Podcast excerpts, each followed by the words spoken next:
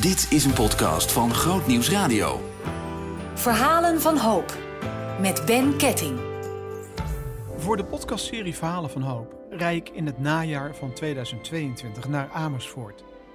Ik heb een afspraak met Eddie Boefink. Hij was lang verslaafd en wil hoop geven door zijn levensverhaal te delen met iedereen die het maar wil horen.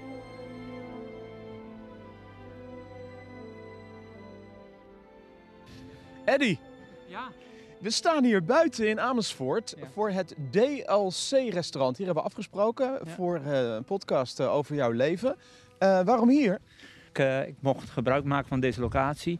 Eh locaties van een eh, vriend van mij die meerdere horeca-evenementlocaties heeft in Nederland.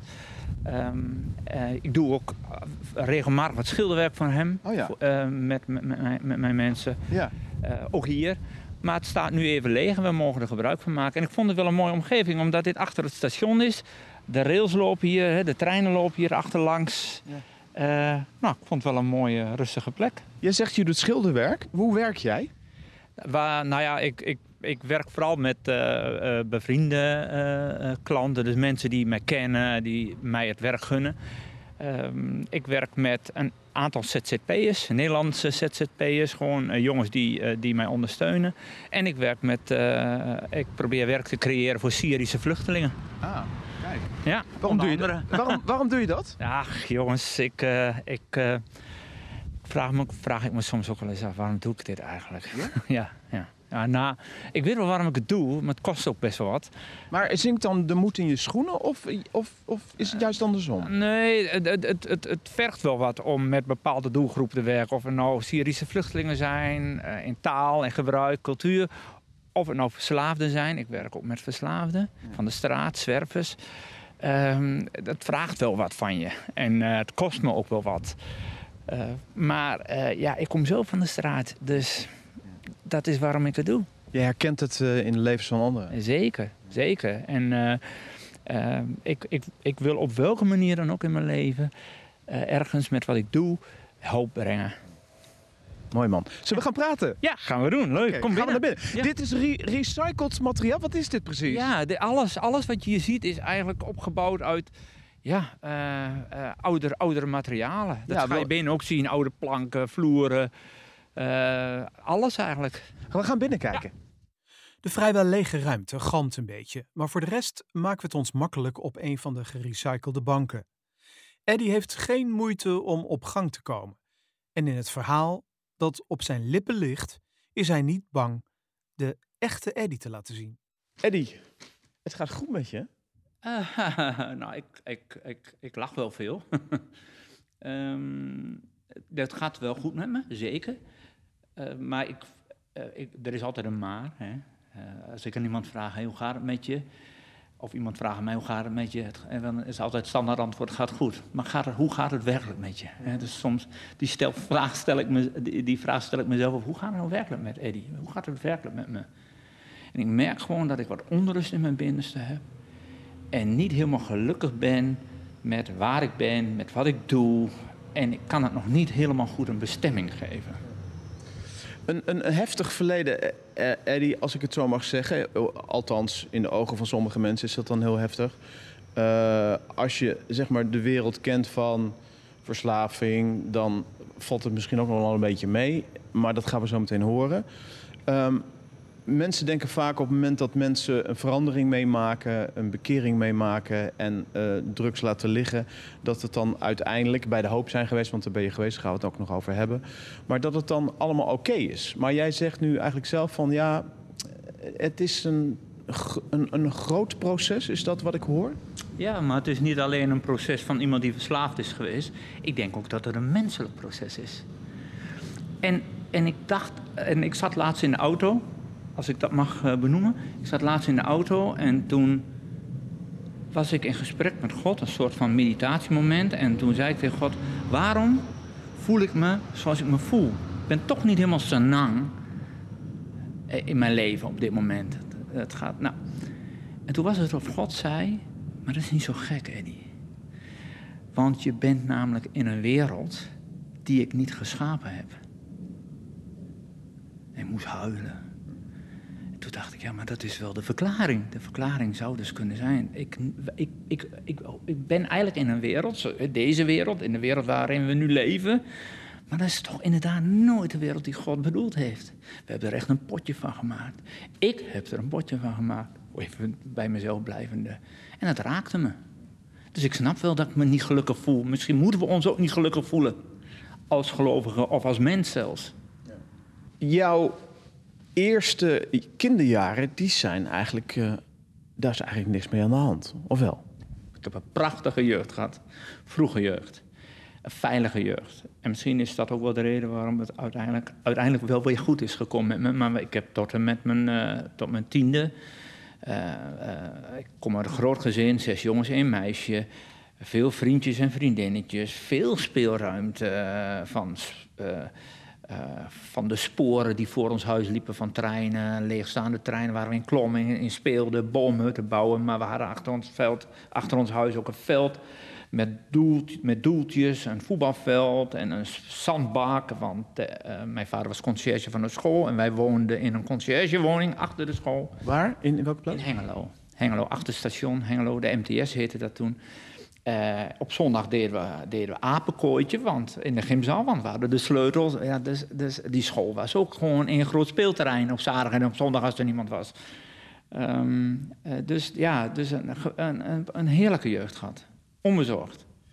En dan gebeurt er iets wat je eigenlijk, waar je niet aan denkt als je kind bent. Nee. Nee, de momenten dat is ook onvergetelijk dat ik gewoon uh, op een ochtend wakker werd en dat ik te horen kreeg van mijn broer dat, uh, dat papa was overleden. En uh, de vader waar ik gewoon ongelooflijk veel van hield, de man waar ik van hield, ja, die was weg. Meer kan ik er niet van maken. was gewoon weg, zonder dag te zeggen, zonder afscheid. En dat was een week, negen dagen voor mijn tiende verjaardag. En ik begreep het gewoon niet. En als katholiek jongetje, ik kom uit een katholiek gezin, als katholiek jongetje heb ik, uh, heb ik, ben ik al heel boos geweest op God. Ik heb God ook echt vervloekt. Of je dat maar kunt als tienjarig jongetje. Uh, en ook heel erg boos geweest op mijn vader, omdat hij er niet meer was. Wat was er gebeurd met je vader dan? Mijn vader uh, ging, ging voor het eerst recreatietennissen op een avond. En na de, na, na, na de tennis kwam hij terug en bij het stoplicht, uh, onderweg naar huis, s avonds, overleed hij aan een hartaanval. Op straat, op de fiets. Hoe oud was hij? 55, te jong. En mijn moeder bleef achter met zeven kinderen. Uh, dus die moest het wel rooien. En, uh, en, en in ons gezin was hij opgebouwd in drie oudste jongens, een meisje in het midden en drie jongste jongens. Heel eerlijk verdeeld. Ik was de oudste van de drie jongste jongens, maar ik was dus tien en mijn jongere broer was acht en mijn jongste broer was vijf. Maar mijn moeder die zei van, uh, ja, die jongsten zullen het allemaal, die zei later, die jongsten hebben het allemaal niet zo bewust meegemaakt. Ze hadden natuurlijk veel meer aandacht voor die pubers. Ik heb vorige week mijn zus nog gesproken en die zei van, ja, mama, mama praten, praten eigenlijk ook niet over wat er gebeurd is.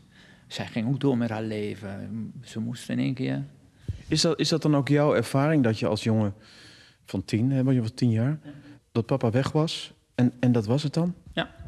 Werd niet opgesproken, werd niet gedeeld. Er werden geen sessies gehouden of zo, of dat je, dat je echt ging zitten. Want ja, joh, we praten, we praten over 1975. Um, uh, nee, dat, dat was er gewoon niet. Dat is een gemis. Ik, ik geloof wel dat het nu anders gaat. Anders moet gaan. Hè? Als, je, als je een vader of een moeder verliest, of een dierbare. Maar uh, dit, was, dit was in die tijd niet zo. En, en, en dat, die weerslag hebben we natuurlijk in ons gezin wel gemerkt later. En ik ook in mijn eigen leven. Moest je er als jongen veel aan denken? Ja, ja. ja. Ik heb veel gehuild. Veel verdriet gehad. Veel alleen geweest. Ja. En natuurlijk had ik nog steeds hetzelfde speelveld na de overlijden van mijn vader. En natuurlijk had ik nog steeds dezelfde vriendjes en vriendinnetjes. En natuurlijk had ik nog steeds dezelfde broers en zus. Prima, we wonen nog steeds op dezelfde plek. Uh, maar de leegte, dat was een enorme leegte. Zeker.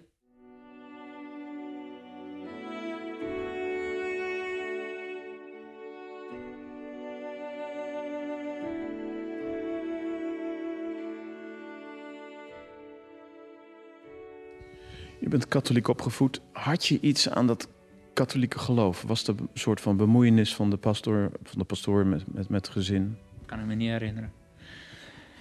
Ik ben op mijn veertiende heb ik, heb ik tegen de kerk doei gezegd. Ik wilde er niks mee te maken hebben. Ik vond me stom, poppenkast, toen, 14 jaar, rebels. Ehm, maar ehm, eh, ik, ik kan me niet herinneren. Ik kan me herinneren dat, eh, dat mijn vader, dat de kist van mijn vader de kerk kwam. Ik kan me de kaas rondom de kist herinneren. Ik kan me herinneren waar ik zat. Ik kan me herinneren hoe, nou ja, hoe, hoe er nog wat gecondoleerd werd. Dat we naar het crematorium gingen. eh, eh, en dat we na het crematorium allemaal weer bij, mij, bij ons thuis kwamen. Met mijn ooms en tantes. Dat er ook plezier was daarna. Ja, want al die familie kwam bij elkaar. Dus dat merkte ik ook wel. Nou, dat vond ik, vond ik prima. Mijn zus, die ik dus sprak, die zei van ja, eh, zij vond het toen onbegrijpelijk dat er, zo, dat er nog zoveel gelachen kon worden na een dood. En ik als kind vond dat wel ontspannend. Papa was weg en daarmee ook de stok achter de deur? Voor Eddy? Eh, ah ja, uit- uiteindelijk. Niet zozeer, mijn vader was geen, ik, ik kan me niet herinneren, mijn vader was geen strenge vader.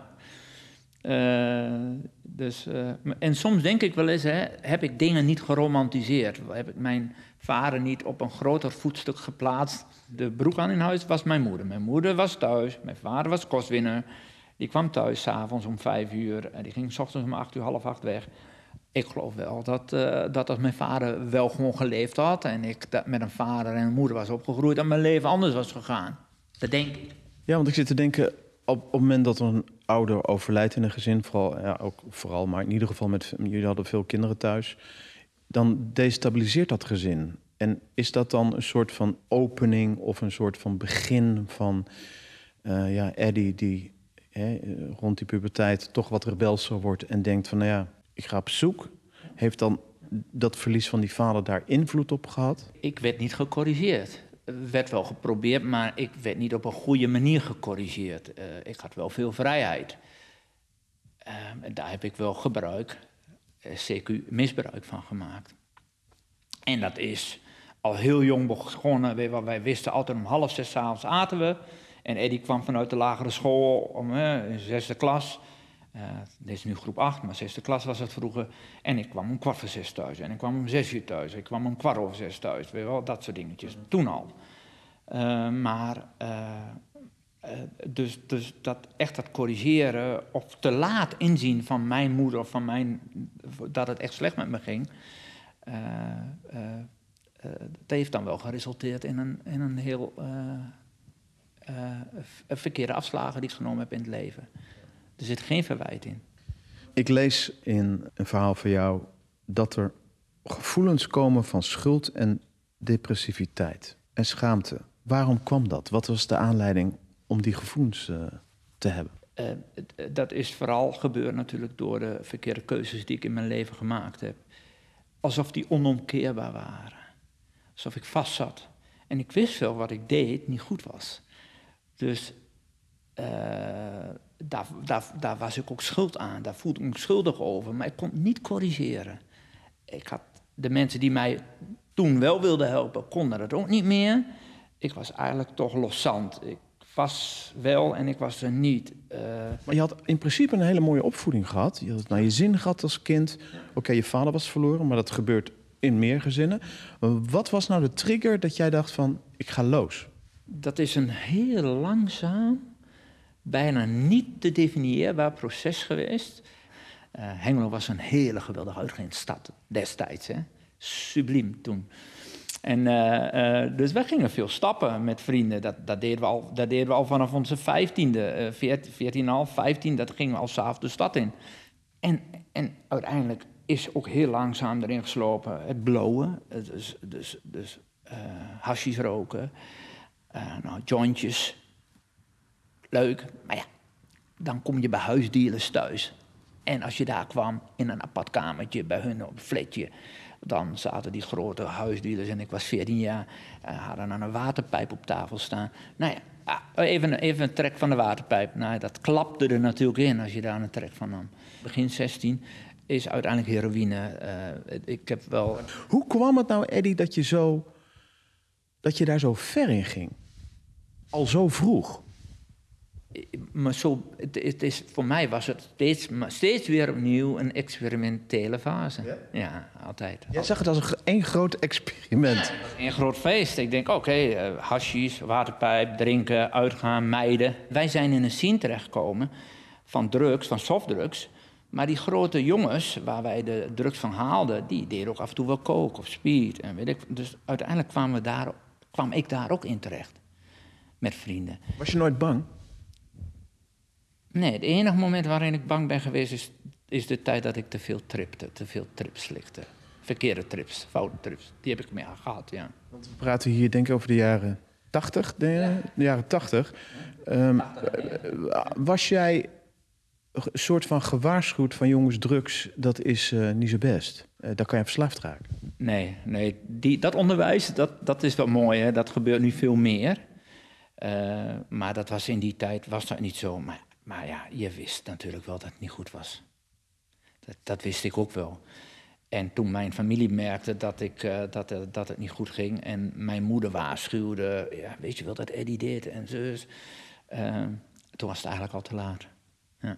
Wat betekent dat? Toen was het te laat. Uh, toen, was ik, toen was ik echt al verslaafd. Ik ging op mijn zestiende ging ik al in mijn eentje in Amsterdam op de Zeedijk. eh, bij grote kerels eh, als jochie van 16 mijn heroïne scoren. Dat belachelijk. Ik stond op straat te onderhandelen met die grote mannen. Eh, ik zeg groot omdat ik, ik was natuurlijk mijn jochie. Ik hoorde in de schoolbanken te zitten. Dus als ik voorlichting geef of hierover spreek, dan haal ik dat gevoel ook soms wel terug. Als ik voor klassen sta, en dan, en dan zeg ik tegen die leerlingen, jullie zitten hier nu, hoe oud zijn jullie? Ja, 15, 16. Ik zeg, ja, ik had, ik in een klas moeten zitten. En nou naar mijn zonen kijk, die 19, 17 en 15, z- eh, 14 zijn, hij wordt 15. denk ik, oh ja, weet je, die hebben, die hebben nu een mooi leven. Ik, dat heb ik gemist. Was je teleurgesteld in jezelf eigenlijk? Of dacht, Altijd. Ik was eh, zo teleurgesteld dat ik. eh, en zo alleen. En ik kreeg het ook niet meer voor elkaar. De enige uit was, uitweg was ook die troep. Het is gewoon ontsnappen. Leeg te vullen met rotzooi. Leeg te vullen met eh, vriendinnen. En gekoppeld seks. Leeg te vullen met. Ja, met niks.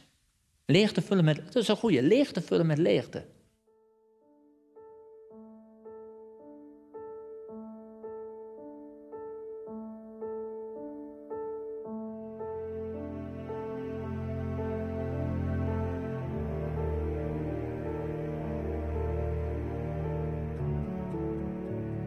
Welke rol speelde dat verlies van je vader?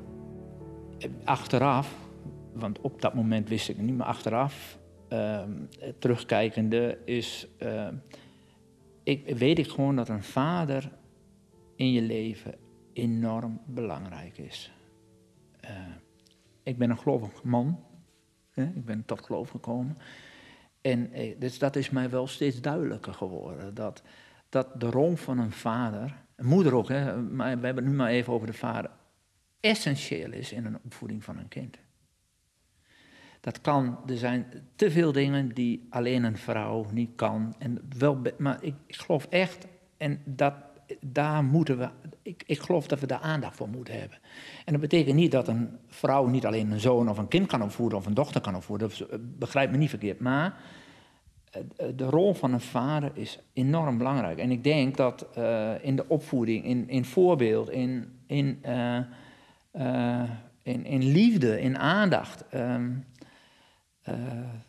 anders kijken naar situaties. ehm, dat is, ik geloof dat het zo verordend is. En jongeren, mensen zonder een vader, ook zonder een moeder overigens, die, die hebben het gewoon dubbel zo zwaar. Op een gegeven moment eh, zit je echt, eh, ja, echt een lage wal. Kan je een klein beetje eh, mij even schetsen hoe dat leven van jou eruit zag op het heftigste moment? Op het heftigste moment ehm, eh, geen geld in mijn zak. Ziek, lichamelijk ziek, omdat omdat ik geen drugs meer had, dus in een afkik zat. Jagen, op zoek naar heroïne zonder geld. Op zoek naar geld. Waar kon ik, waar kon ik wat doen om aan geld te komen? Ehm, ik heb heel vaak, heel vaak, het, het was mooi, ik kan me dat ook nog herinneren, dat ik heel vaak, was ik zo ziek omdat ik geen heroïne meer had. Mijn lichaam kipte af en ik moest drugs hebben. En dan zag ik, en het was prachtig weer, het was de zon scheen, het was wel 30 graden buiten. Iedereen in t-shirtjes, heerlijk fris, heerlijk, heerlijk op de fiets de stad in. En ik zat thuis en ik was ziek. En als ik dan naar buiten keek, ik zag al die mensen fietsen. Toen dacht ik, waarom, weet je wel, ik heb dat niet. Ik, ik, voel die, ik voel die zon niet eens. Ik voel de warmte niet eens. Want ik zat daar rillend uh, in de afkeek thuis. Dus weer langs dealers, uh, bedelen om, om, om doop. Uh, alleen maar jagen, jagen, onrust, bezig zijn. Ik hoefde me nooit, dat, dat, overigens, ik, ik, maak, ik zeg ook wel soms gekscherend, mijn verslaving heeft me jong gehouden. Drugs heeft me jong gehouden. Want ik kan maar één ding waar ik me druk over hoefde te maken in mijn leven destijds. Hoe kom ik aan drugs? Ik maakte me niet druk over de elektriciteitsrekening. Ik maakte me niet druk over de huur. Ik maakte me niet druk over mijn schulden. Ik maakte me nergens druk over. Eén ding, dus dat scheelt dan heel veel zorgen minder. Hè? Trappenhuizen, dat, zijn wel de, dat waren wel de heftige momenten in de winter. Trappenhuizen. Want toen had je geen woonruimte? Nee, nee, nee. Trappenhuizen heb ik geslapen. Ik, het waren tijden dat ik soms vierde van huis naar huis. Dat ik weer bij iemand vroeg, mag ik even bij jou slapen? Wel een dieptepunt was wel dat ik in Amsterdam zwierf. Geen geld, geen drugs. Op zoek, hoe kan ik geld en dat ik maar in Amsterdam bleef op straat, omdat ik dacht van ja, uh, uh, misschien kom ik nog wat tegen. Uh, maar het was koud en ik zag een kartonnen doos waar een, waar, waar, een, in had gezeten, een grote koelkast. En in die doos zat ook nog dat plastic dat blijkbaar om zo'n koelkast gezet. Vroeger gingen dat soort dingen dus blijkbaar in kartonnen dozen nog. En daar, ik, ben, ik heb mezelf in dat plastic gerold en ik heb mezelf in die doos ge, ge, gewurmd en, en gelegen. Op straat. Dat is een jongen uit Hengelo in Amsterdam. Hoe, hoe voelde je je toen, man? Ja, alleen, eenzaam, ziek. Um, het is voor mij wel goed soms hè, om heel even weer weer te proberen. Hey, wat, wat, gebeurde nou met, wat gebeurde er nou met mij? Maar dat verlaten. Dat broers in Amsterdam wonen. Daar kon ik echt niet naartoe. Toen. Die hadden jou uh, gedropt, zullen we maar zeggen? Ja, die, die, die, dat, dat was een gebed zonder einde. En nou, heel vaak, we, mijn familie heeft me altijd willen helpen. Dat is helemaal geen probleem. Ja, want je had ook nog een moeder. Iedere keer als de telefoon bij haar thuis ging, uh, kwam de angst bij haar naar boven. Ze durfde de telefoon bijna niet meer op te nemen. Of als er aan de deur gebeld werd. Want ze was zo bang voor het moment dat de politie aan de deur stond of dat de politie belde. Uh, er is iets met uw zoon gebeurd. Dus, dat, dus, dus ja, je, je, kan je gewoon niet voorstellen in wat voor angst een moeder dan leeft eigenlijk. Alleen als, als verslaafde voel je dat niet? Ik voelde helemaal niks. Het interesseerde me ook niet. Nee, nee, je gevoel, je, mijn, de drugs dooft gewoon dat hele gevoelsleven. Hoe was dat, en misschien dat je dat nu erop terug kan kijken, hoe was het nou om zo'n groot karakterverschil te ondergaan? Die jongen die het eigenlijk altijd naar zijn zin had gehad thuis en die speelde en die het goed had en goed gezin was. Uh, uh, en dan die eindigt in Amsterdam in een kartonnen doos. Hoe was dat? Uh, Dacht je wel eens terug aan de mooie tijden? Tuurlijk, ja. Het hoort gewoon niet zo te zijn. Het hoort gewoon niet zo te zijn. Ook vandaag de dag niet. Als ik die jongeren zie of mensen zie uh, die zo verloren rond, rond uh, zo verloren leven in, in, in, onze, in, ons, in ons systeem, in onze samenleving, die ook overigens heel vaak niet klopt. Uh, het, het, is, het is dramatisch. Het hoort gewoon zo niet. Wat ik net ook al zei. God heeft, de, heeft, God heeft deze wereld niet gemaakt. Ah, we zeggen, hey, God heeft deze wereld. Nee, God heeft deze wereld niet. Dit was niet de wereld die God bedacht had. Wij hebben hem gemaakt. En we hebben hem kapot gemaakt. En we hebben onszelf kapot gemaakt. Dus dat, dat, dat, die, die, dat hele, die, dat, dat, dat, in mijn binnenste uh, roept dat ook heel vaak, van het hoort gewoon niet zo te zijn. Het was dat verschil van, van opgevoed worden in een liefdevol gezin... naar na uiteindelijk jarenlang verslaafd op straat te moeten leven, uh, losbandig, uh, eindigend in een kartonnen doos of eindigend met depressieve gedachten van zelfmoord. Het is absurd. Ja, want je hebt ook een keer langs de spoorlijn gelopen dat je dacht. Twee keer. Ik weet ook nog precies waar. Dus uh, ja, ja, twee keer waarvan ik dacht. Ik stop ermee. Ik, ja, was natuurlijk vaak eenzaam en alleen. Uh, wie, wie, zag mij dan, wie moest mij nog hebben in die zin? Dus twee keer in mijn leven langs de spoorlijn gelopen. en, en dan heb ik, heb ik ook altijd gezegd van, maar ja, doodgaan durfde ik niet, maar leven kon ik niet. Dus duale, bijna een dualistische strijd, duale strijd in, in mijn binnenste. Misschien wel de strijd van, uh, van geest en vlees, weet je wel, in, ons, in mijn binnenste. Ga ik het nu wel doen? Ga ik het nu niet doen? God zij dank is het nooit gebeurd. Maar hoeveel hebben het wel gedaan? In een split second kan je denken, ik rijd tegen die bomen. Klaar.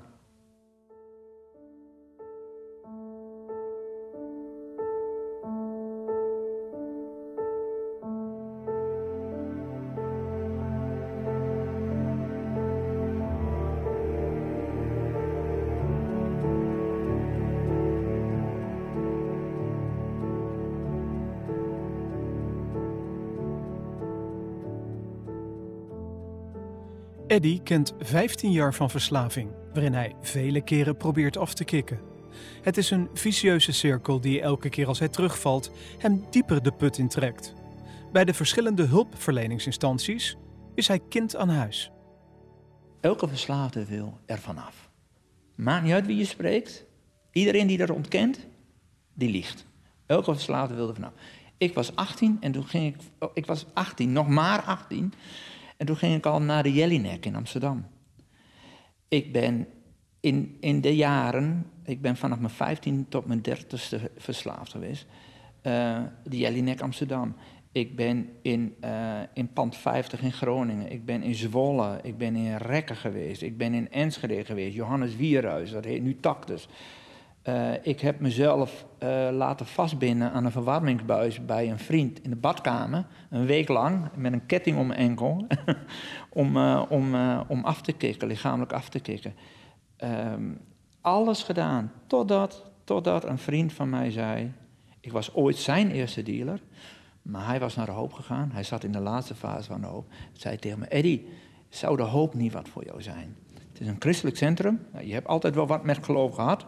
Want ik wist wel dat er meer was tussen hemel en aarde, maar ik kon het niet duiden. Katholiek opgevoed? Katholiek opgevoed. Ik kon het niet duiden. Hè. Ik wist wel dat, uh, dat uh, hemel en hel was en, en dat soort dingen, maar ik kon nog niet duiden hoe of wat. Hij zegt, misschien is de hoop wat voor je. Ook wel omdat het ook een individuele therapie is. In heel veel andere set, settingen destijds deed je heel veel als groep samen. Maar je denkt toch niet dat ik de meest diepste pijn van mijn binnenste, de schaamte, de schuld, ga lopen delen in een groep? Dus dat deed ik uiteindelijk ook niet. Dus daarom kwam ik ook niet verder. En toen kwam ik bij de hoop. Ah, ik kwam thuis. Je kwam thuis? Ja. Ik weet nog dat ik tegen God zei voordat ik daar naar binnen kwam. En, en het, oh, God die ik niet kende, maar ik wist, oké, christelijk centrum, nog God. Eén ding, zolang er niet een een of andere Jesus freak de deur open doet met sandalen en geitenwolle sokken, weet je wel. Echt waar, ik, zo grappig. 1995, 4 december 1995. En uh, wie deed open?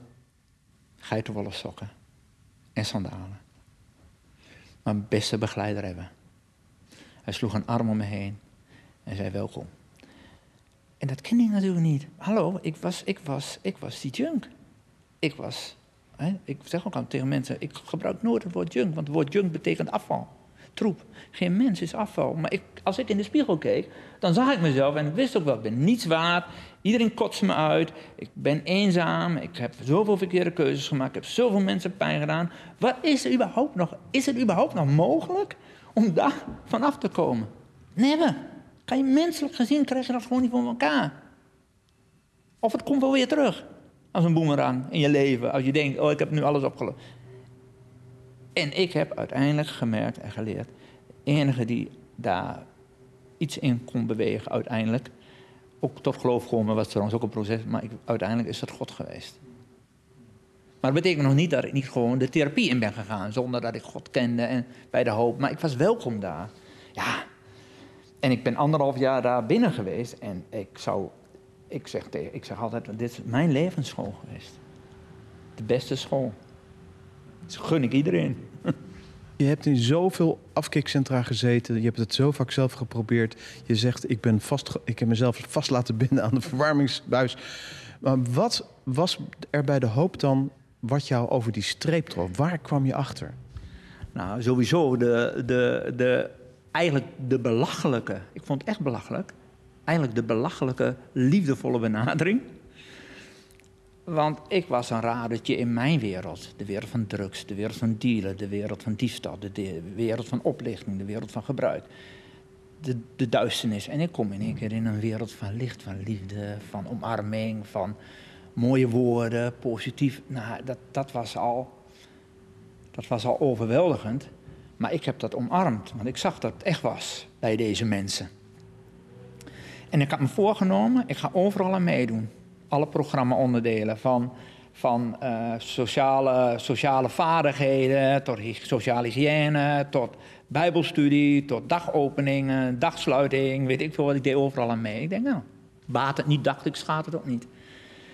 Maar de manier waarop ik behandeld werd, dat kende ik niet. Als mens? Als mens. En dat heeft, dat heeft de verandering en de interesse en de zoektocht wel ingezet van, oké, maar waar komt het dan vandaan? En uh, oké, okay, ze werken allemaal vanuit God. Oké, maar wat, wat, wie is dat dan en wat betekent dat dan? En daar ben ik dan daar wel achter gekomen. Wat is jouw praktische tip aan mensen die met een verslaving leven, die denken ik kom er toch niet vanaf? Wat moet je instelling zijn? Wat moet, wat, welk luikje moet er open gaan? Welk luikje ging er voor jou open om te, te beseffen? En nu gaat het anders. Ja, voor mij was, was wel de faillissement van mijn mens zijn. Verslaafden kunnen het heel lang volhouden.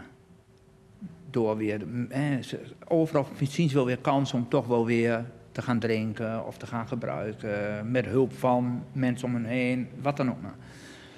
Ehm, voor mij, ik was zo diep ver weg, dat voor mij was er maar één ding mogelijk. Of ik ga dood, of ik kies voor leven.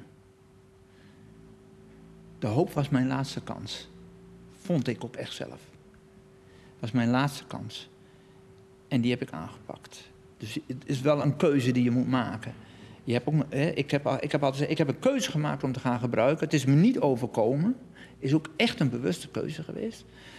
Dus er zal ook een keuze moeten komen om dat door, door, te, door te knippen en, en, om te stoppen. Die keuze kun je alleen niet alleen maken. In zo'n fase van mijn leven, ik kon die keuze niet alleen maken. Dus ik had alle hulp nodig. En die hulp kreeg ik wel bij de hoop. Uh, dus wat nodig is, als tip, ga hulp zoeken. Is Pietje niet de juiste hulp? Ga naar Klaasje. Is Klaasje niet de juiste hulp? Ga naar Klaartje. Is Klaartje niet de juiste hulp? Ga naar weet ik veel wat. Maar blijf altijd, altijd, geef niet op. Blijf altijd zoeken naar hulp. Uiteindelijk heb ik dat ook gedaan. Ik heb, ik heb alles gedaan. Van, van gezinssessies, man met, uh, met, ik weet niet meer hoe die man heet. Pieter heet die ook, geloof ik. Nou, ik vond vreselijk, vreselijk. Maar ja, mijn familie had er blijkbaar wat aan, dacht ik. Uh, maar ik vond vreselijk. Het was altijd de kop van Jut, zeg maar. Tuurlijk, want ik was ook probleemkind. Al dat soort dingen gedaan. Therapie, uh, gesprekken. Uh, CAD heette toen consultatie, consultatiebureau alcohol en drugs was dat toen. Zoveel, zoveel. En eigenlijk altijd blijven doen. En dat is wat ik ook tegen mensen wil zeggen. blijf dat doen. Geef nooit op. Want dat, dat ben je niet waard. Je bent niet waard om opgegeven te worden.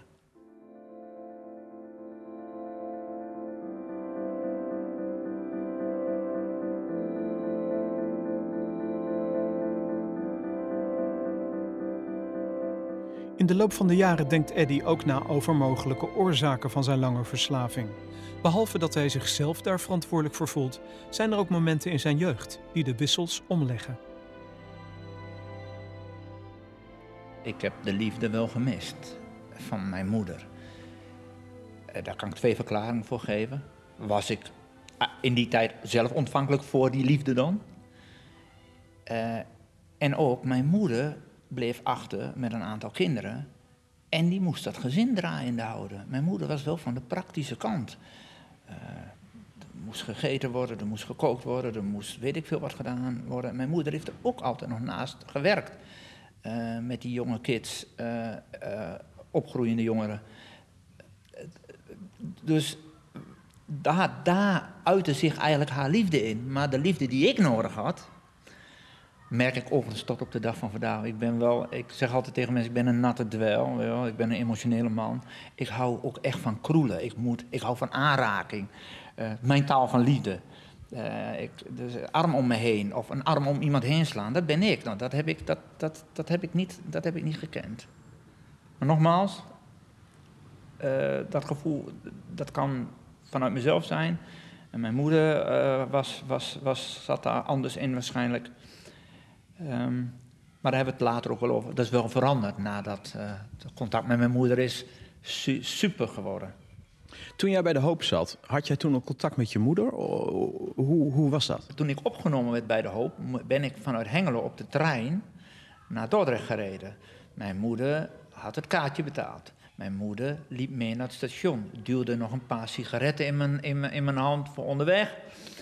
Uh, uh, en zwaaide me uit. En daar ging ik met een tas met kleren en een vuilniszak met zooi, papieren, schulden, weet ik wat, bankafschriften, foto's. Zo ging ik naar de hoop. Dat was alles wat ik had. Uh, dus mijn moeder was altijd blij dat ik weer ging, zeg maar. en ze hoopte natuurlijk dat het nu eindelijk na zoveel pogingen goed met me ging. Ik heb het natuurlijk altijd laten zien dat het gelukt is. Ik bedoel, vanaf mijn zestiende tot mijn dertigste. Ja, wie, heeft, wie heeft er eigenlijk dan nog hoop? Ik had, zelf ik had zelf niet eens hoop. Ik ging wel, maar waar, waar, waar, waarin, waarom? Hoe wist ik dat het ging slagen? Wist ik ook niet. Laat staan mijn moeder en mijn familie. Na een tijd bij de hoop te hebben gezeten, mag Eddy op weekendverlof. Als hij thuis is en de koektrommel uit de kast haalt, ziet hij een kistje waar zijn moeder gouden sieraden in bewaarde en waar hij in zijn slechte periode uit had gestolen om zijn drugs te betalen. Op dat moment krijgt hij spijt. Dat goud wat ze altijd gemist heeft, ik moet haar vertellen dat ik dat gedaan heb. Ze hadden wel vermoeden, maar het is nooit uitgesproken geweest. En toen zei ik dat tegen de begeleiding, toen ik in de hoop zat, dat ik dat beeld had en dat ik, dat ik daarvan schrok. En, en toen, zei ik, toen kwam alleen met me op, ik wil echt, echt mijn moeder uitnodigen voor een gesprek en haar om vergeving vragen. Dus mijn moeder kwam op uitnodiging. En ik zat met haar en toen zei ik tegen mama, uh, mama, ik, heb, uh, ik ben degene geweest die dat goud verkocht heeft. En weet je wel, dan moest ik uitleggen, wel dat gouden bandje, dat gouden dingetje, gouden ring, of nou, wat het ook maar was, dat heb ik gedaan. Zeg, kun je, en toen wist ik al wel de woorden van van genade, van vergeving. En ik wist gewoon, ik moest geen sorry zeggen. Dat is ook nog zo stom. Ik moest geen sorry zeggen. Ik moest om vergeving vragen. Wist ik gewoon. Ergens. Dus ik zei dat ook. Mama, wil je me vergeven? Nou, en tranen kwamen in haar ogen, tranen kwamen in mijn ogen. En toen zei ze, Eddie, al het goud en zilver en het geld van de wereld... geeft mij niet, brengt mij niet het geluk dat ik nu voel... als ik zie hoe goed het met jou gaat. Dat was de doorbraak. Doorbraak van mijn leven.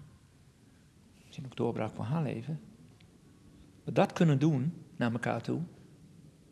Kan er nog, nee, kan er nog emotioneel over worden. Stom, hè? Ja, tranen schieten een beetje in de ogen. 27 jaar nog steeds.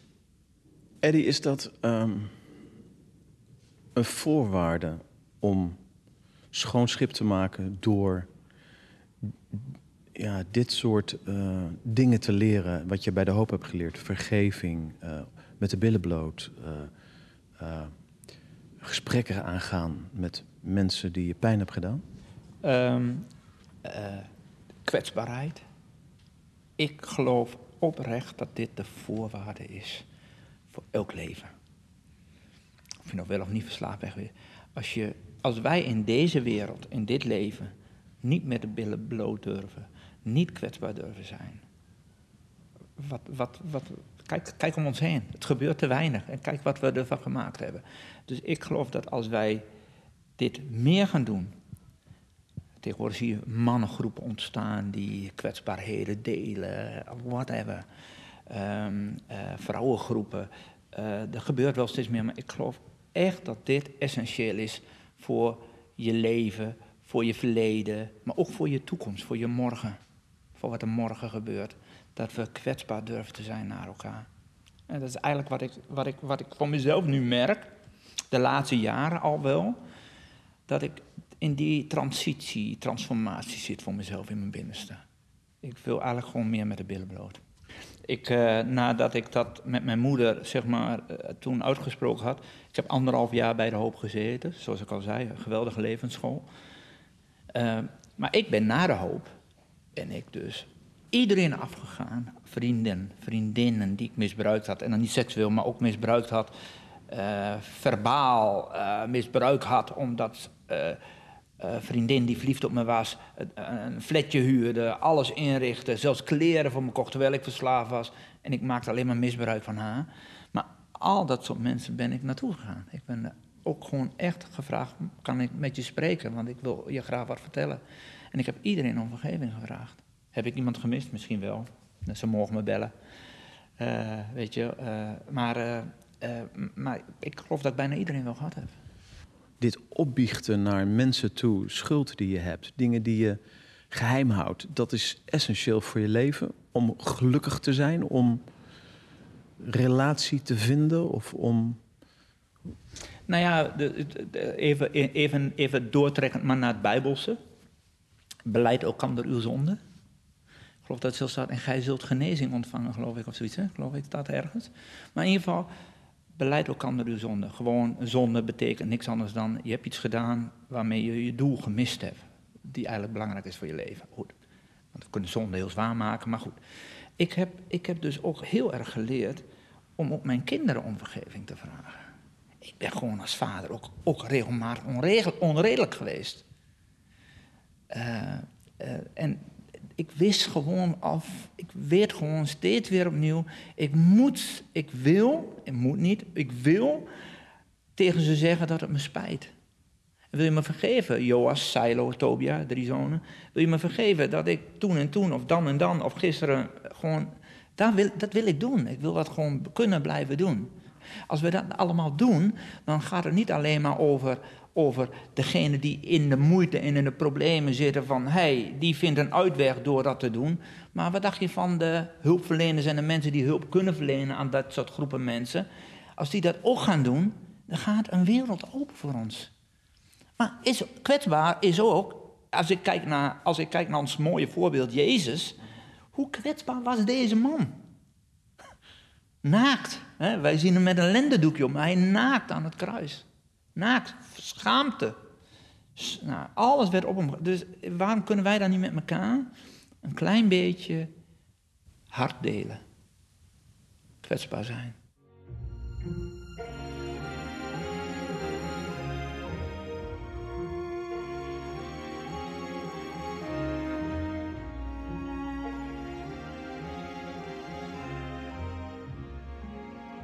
Het is ook bij de hoop waar Eddie een keuze maakt om God toe te laten in zijn leven.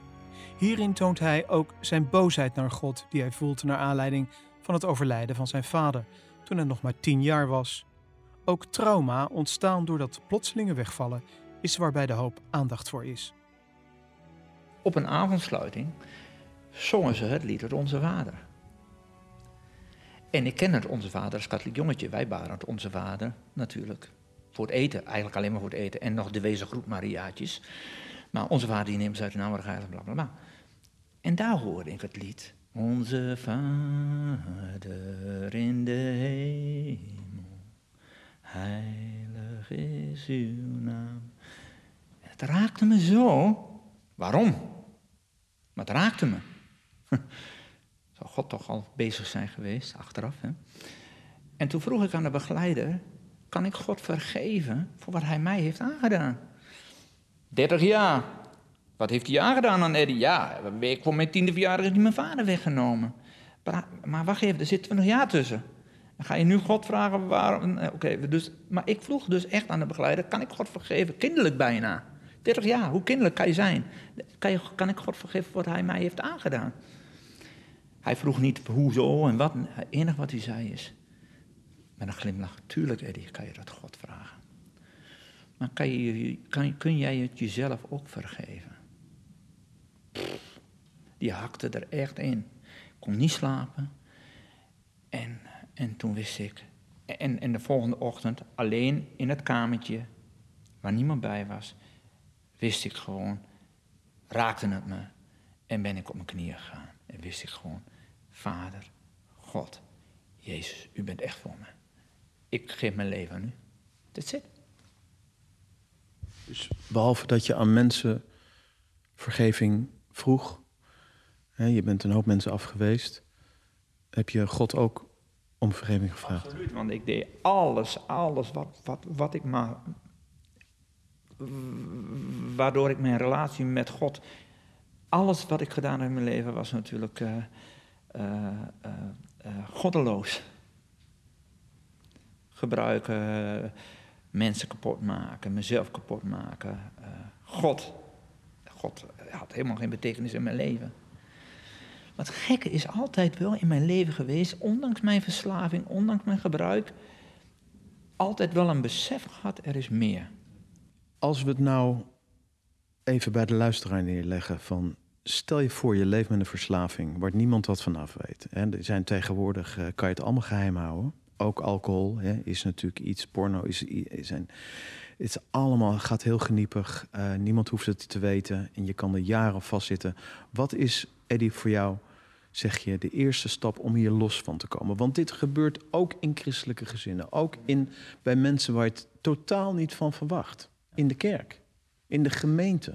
Eh, ik denk dat we nog verrast zullen zijn wie er in onze omgeving, als dat allemaal openbaar zou komen, wie, daarmee, wie daarmee struggelen, eh, wie er moeite mee hebben met, met een verslavend middel. Ehm, ik wil bijna zeggen, joh, laat, ze mij laat, laat iedereen mij bellen. dat is natuurlijk een beetje onzinnig. Maar, eh, maar, maar er zijn mensen die mij mailen en bellen, zeker. Eh, ehm, ik, ik, zou, ik zou echt willen vragen, ga, dat kan ook anoniem, maar ga de hulpverlening bellen.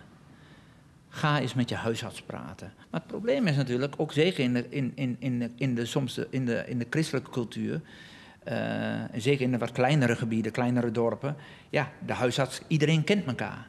Dus ja, durf ik mijn huisarts te vertellen in mijn Schaamte. schaamte. Eh, daar moeten we vanaf. Daar moeten we vanaf. Het moet jou. Dat is ook een valstrik. De Bijbel spreekt er ook over. We moeten er vanaf. We moeten er vanaf dat. eh, wat, wat kan mij het schelen wat iemand van mij vindt, joh? Zoek het lekker uit. Eh, Vind je dit van mij? Prima. Ik ben niet afhankelijk van jou op deze manier. Daar moeten we vanaf. Maar ik heb een probleem en daar wil ik mee aan de slag. Hier ben ik, huisarts, hulpverlener, help mij. Vriend, help mij. Ik help nou een vriend die in scheiding, die in scheiding zit. Ja, eh, had hij niet hoeven te vertellen. Hij had niet. En het zijn hele mooie momenten die hij en ik met elkaar hebben samen. Diep, eh, weet je wel, dat gaat diep, dit, de gesprekjes die we voeren en het samen optrekken met elkaar. Eh, maar gelukkig, hij kiest daarvoor. Laten we dat nou eens doen. Laten we nou eens een vriend zijn voor elkaar. Laten we een vriendin zijn voor elkaar. Laten we een hulp zijn voor elkaar. Ik zit bijna te, te denken, Eddie, van als mensen eh, eh, ja, zulke geheimen hebben en zeggen: Ik wil zo graag, ik ben er al zo lang mee bezig, ik wil er zo graag vanaf. eh, dan, dan zouden ze jou kunnen contacten. Dat kan eh, misschien wel via Groot Nieuws Radio als ze dat echt willen. En dan kunnen ze misschien wel een e-mailadres van je krijgen. Zeg jij dat? Ja, e.boevink.vriendenvandehoop.nl Eh Stuur daar gewoon je vraag, je gedachten naartoe. e.boevink.vriendenvandehoop.nl Het enige wat ik wil is, eh, is, is je helpen, je eventueel doorverwijzen, je misschien een tip geven, whatever, weet je wel. Ehm, ik, je bent, degene die mij contact is anoniem voor mij. Ik ben wellicht anoniem voor diegene. Dus laat, laten we daar dan maar beginnen.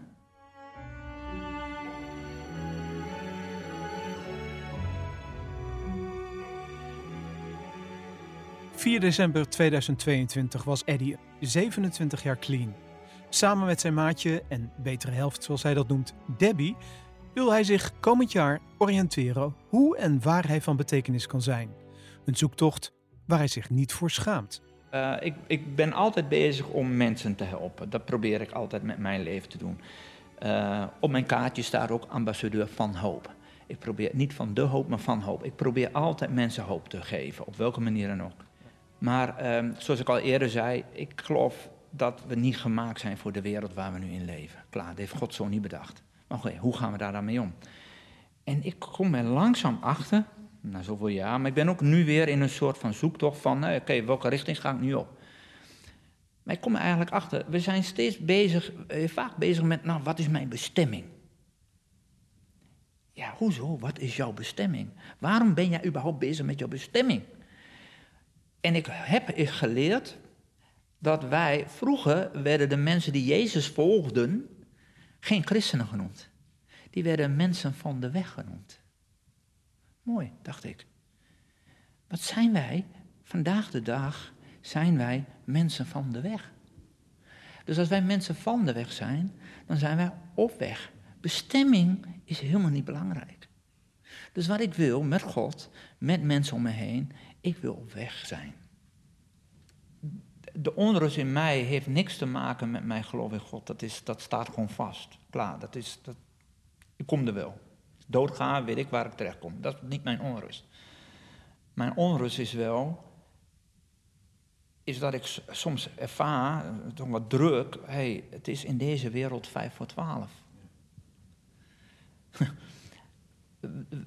Deze wereld gaat niet beter worden. Deze wereld gaat nog meer, gaat, gaat nog meer kapot. Wat doe ik dan nog in, in, in de laatste fase van mijn leven? Welke betekenis mag ik dan nog zijn? Nou, ik, die onrust voel ik wel. Ehm, eh, en daar wil ik wat mee. Daar moet ik wat mee. Uh, wat, grappige is, ik heb, ik heb natuurlijk een, best wel een, behoorlijke periode overleefd. Die periode van overleven, uh, in drugs en verslaving, is dus ook een periode geweest waar blijkbaar ik toch door heb kunnen zetten en niet op heb gegeven dat verandert niet hoor, nu ik gelovig ben. Nog steeds wil ik doorzetten en niet opgeven. Uh, en wil ik wel ook uit het leven halen wat erin zit. Wat, uh, en niet om mezelf te bereiken, om mezelf beter te voelen, maar ook wel om, om wat voor anderen te betekenen. In welke manier dan ook. Daar, daar zoek ik naar. Van wat wordt dat dan? Hoe ziet dat dan uit? Ja, natuurlijk ga ik naar scholen of geef ik, geef ik voorlichting of spreek ik af en toe in kerken, jeugdgroepen, businessclubs, maakt allemaal niet uit. Het is gewoon een ontwikkeling in mij binnenste. Eddie Boefink, een man, echtgenoot en vader bij wie het glas altijd half vol is. Als ik over zere wegen naar huis rij, echoen zijn woorden nog na in mijn hoofd. Want Eddie's leven getuigt ervan dat zelfs na 15 jaar verslaving er een weg terug is. Of misschien kan ik in de context van zijn verhaal beter zeggen: er is altijd een weg vooruit. Er is altijd hoop de zoektocht in ons leven is ook een mooi proces. Heel, ik, ik denk dat dat een hele proces is. Dat betekent dus ook dat in die zoektocht er ook altijd beweging is. En die beweging is er ehm, dat je eigenlijk altijd op zoek bent naar uh, het hoopvolle moment. De hoop, het licht, uh, de verandering. Altijd op zoek bent naar um, in ieder geval nooit opgeven. Zien in nog een podcast? Ga naar grootnieuwsradio.nl slash podcast.